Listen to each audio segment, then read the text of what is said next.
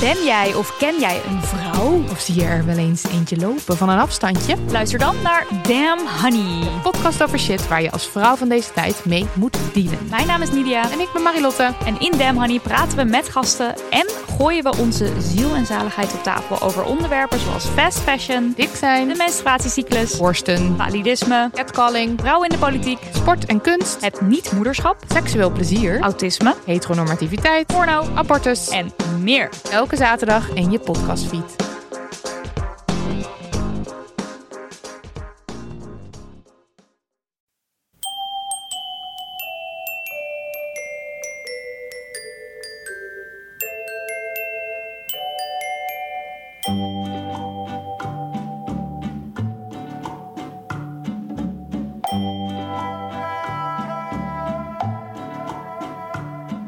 Welkom bij aflevering 56 van de Echt Gebeurd podcast, waar echt gebeurde verhalen worden verteld door de mensen die het zelf hebben meegemaakt.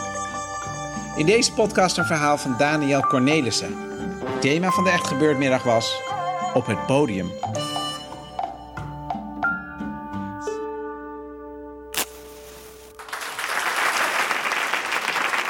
Als je net afstudeert aan de toneelschool, dan bezit je meestal eh, de prachtige eigenschap om vol verwachting en eh, geluk en optimisme het leven in te kijken.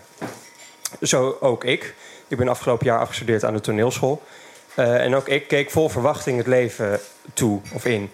Ehm, ik dacht, ik heb nu vier jaar op de toneelschool gezeten. Nu zal het werk me tegemoet komen. En is ook alleen nog maar, zoals waar het net over, ook over ging, eh, roem en eh, bekendheid en eh, mooie rollen.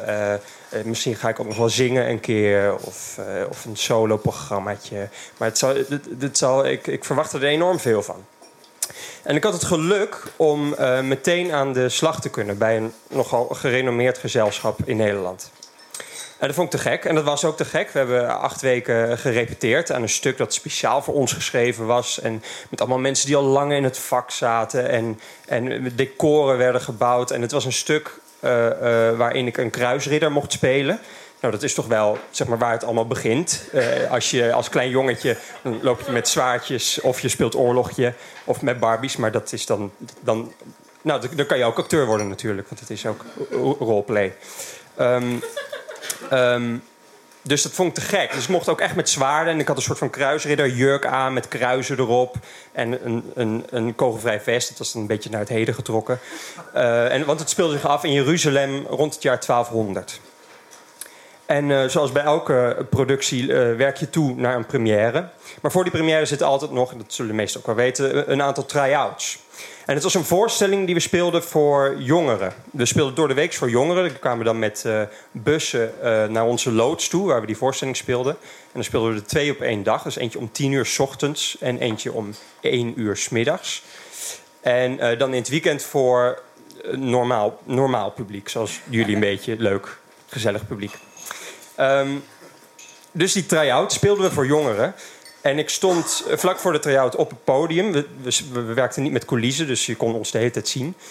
En ehm, ik dacht, eh, nu gaat het gebeuren. Dit is het moment, nu moet ik het waarmaken. Eh, dit is het moment waar ik vier jaar voor heb gestudeerd... en waar ik vanaf mijn vijfde voor op toneelschool of eh, toneelles ben gegaan. En ehm, toen kwamen die kinderen binnen... Je kan ze kinderen noemen, je kan ze ook jongeren noemen, je kan ze ook apen noemen. Dat is eh, hoe ik het eh, voornamelijk zag, want ze kwamen binnen als wilde mannen en vrouwen. Eh, en, want ze schreeuwden en ze stampten. En mijn zwaard, dat zeg maar op het podium lag als requisiet, werd meteen nog gepakt. En daar gingen jongetjes mee aan de haal en wegrennen. En ik probeerde naar vrijwilligers te, te gebaren van dat zwaard moet even teruggelegd worden, want dan moet ik zo meteen de eerste scène mee spelen.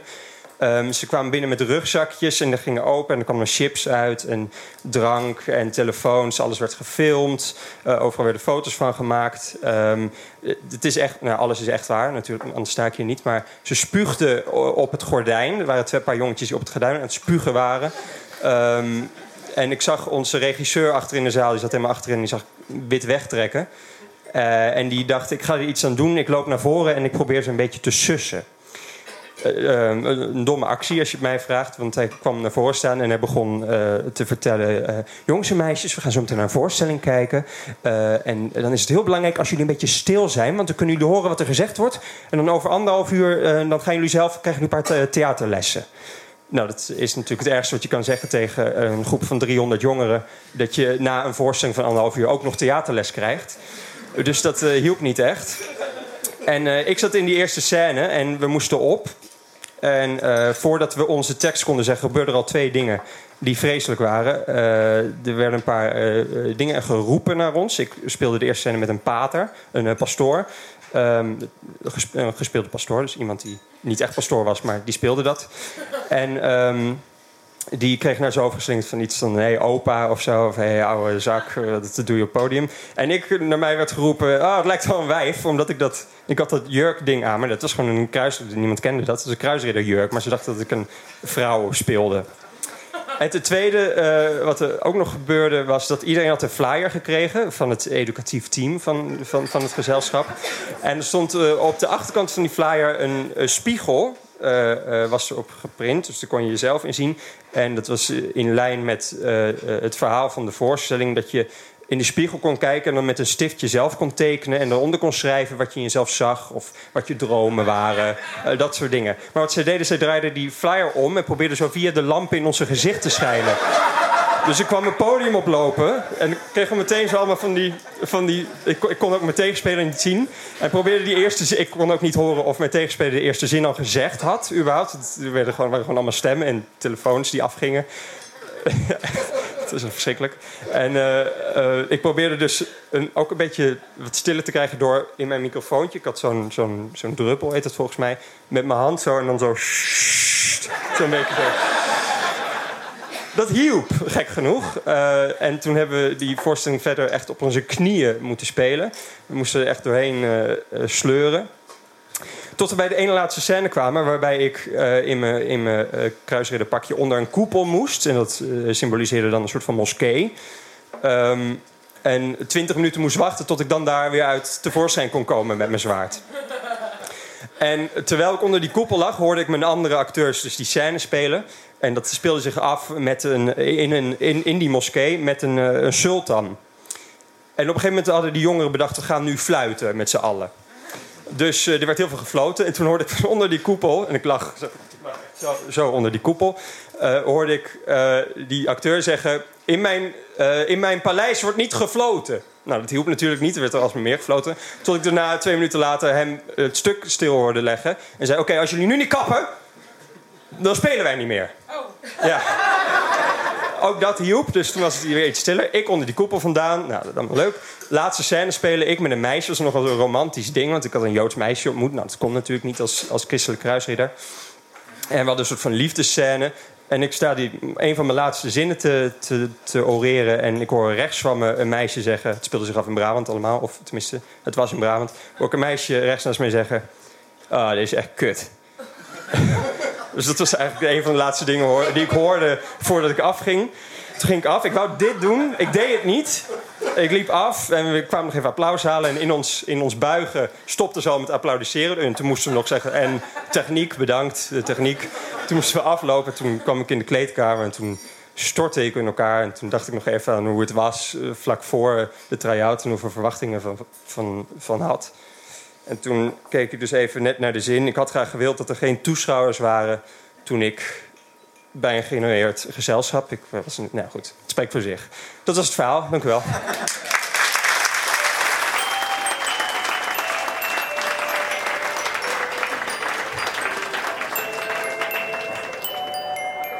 Dat was Daniel Cornelissen.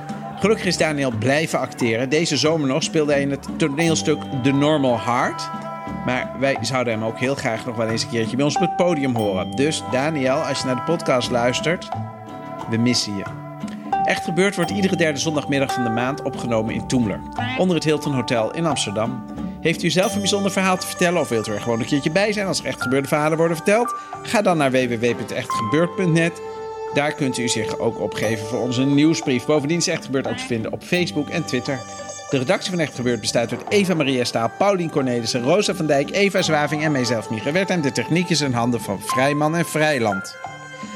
Dit was de 56e podcast van Echt Gebeurd. Er is dus ook een Echt Gebeurd luisterboek. Ideaal om cadeau te doen aan mensen die geen podcast hebben, of snappen, of kunnen, of willen luisteren. Op het luisterboek staan ook een paar mooie verhalen die nooit op de podcast hebben gestaan. Kortom, geef het door. Aarzel niet om ons ook even te waarderen op iTunes. Bedankt voor het luisteren en tot de volgende podcast. En vergeet niet, als je naar het theater gaat, je telefoon en je puber eerst even uitzetten.